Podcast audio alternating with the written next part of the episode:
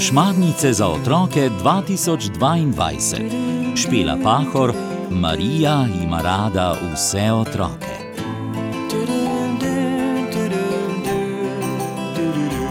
Bere nam jih Juri Sešer. Lepo pozdravljeni. V dosedanjih delih šmarnic, dragi poslušalci, o, smo slišali že, koliko nalog vse ima Marija, česa vsega nas uči, kaj vse počne v svojem usmiljenju, ljubezni, veselju, se dotika naših src, ljubi posebne otroke, nas uči hvaležnosti, uči deliti srečo. Včeraj smo slišali, da Marija kliče v redovniški poklic, danes pa, da Marija kliče duhovnike. Danes se je moja mama počutila slabo. Mama je katehistinja za vse, ki morda ne poznate zgodb, pa jih boste poslušali za nazaj. Slabo se je počutila, pa je prosila župnika, naj jo zamenja pri katehezi. Spremembe so vedno dobrodošle, mi je poredno pomežiknila Maja in se zahihitala. Ni dojela, da mi je bilo strah za mamo. Niti v službo ni šla. Ležala je doma, bolelo jo je grlo in glava, neznansko je bila utrujena.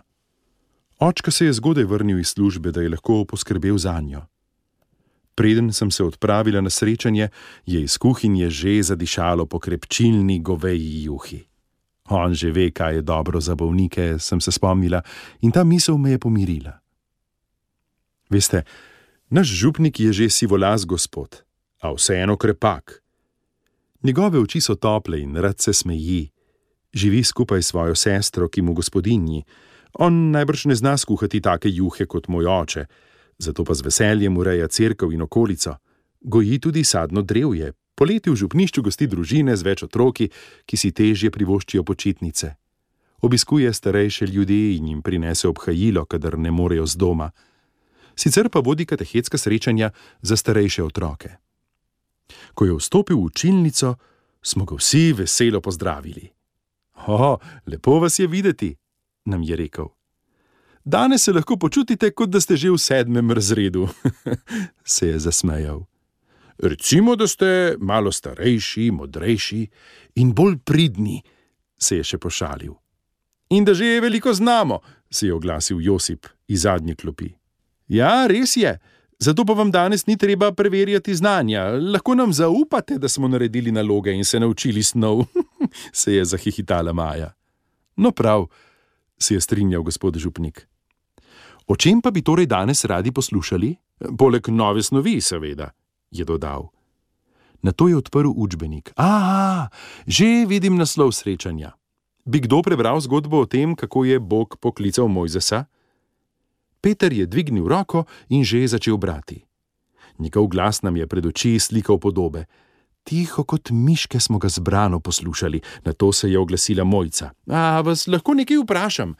je rekla. Seveda, jo je spodbudil župnik. Kako pa ste vi postali duhovnik?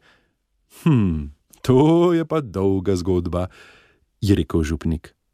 Prihajam iz verne družine, hodil sem k katehezi in bil sem ministrant, a nikoli nisem pomislil, da bi postal duhovnik. O, rad sem igral harmoniko in nogomet. V šoli mi je šlo še kar dobro in zanimalo me je veliko stvari: zgodovina, filozofija, glasba, umetnost, psihologija, politika, medicina. Dolgo sem se odločil, kaj bi pravzaprav rad počel v življenju. Zdelo se mi je, da lahko ljudem najbolj pomagam, če postanem zdravnik ali psiholog. Najpomembnejše je zdravje, sem vedno slišal praviti stare ljudi. Če bo zdrav, je bo vse dobro, so modrovali.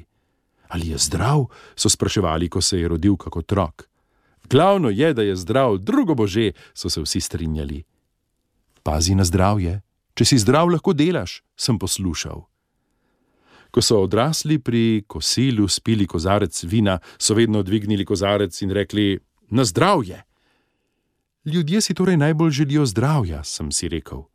In tako sem se že hotel upisati na medicino. Potem pa sem šel na duhovne vaje v tišini.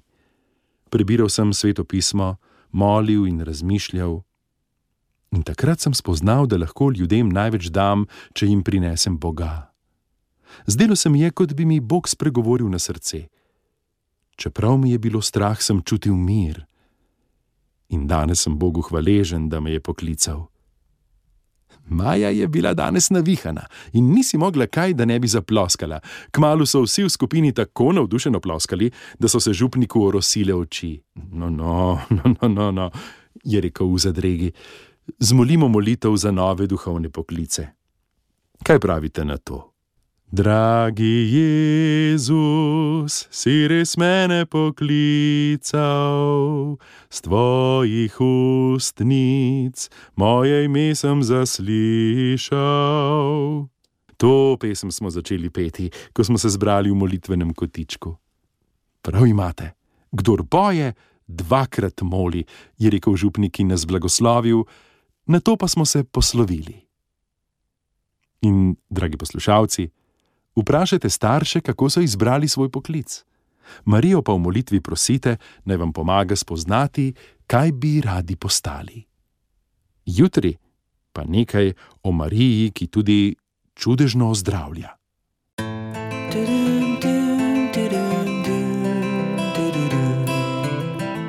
Zgodbe za otroke.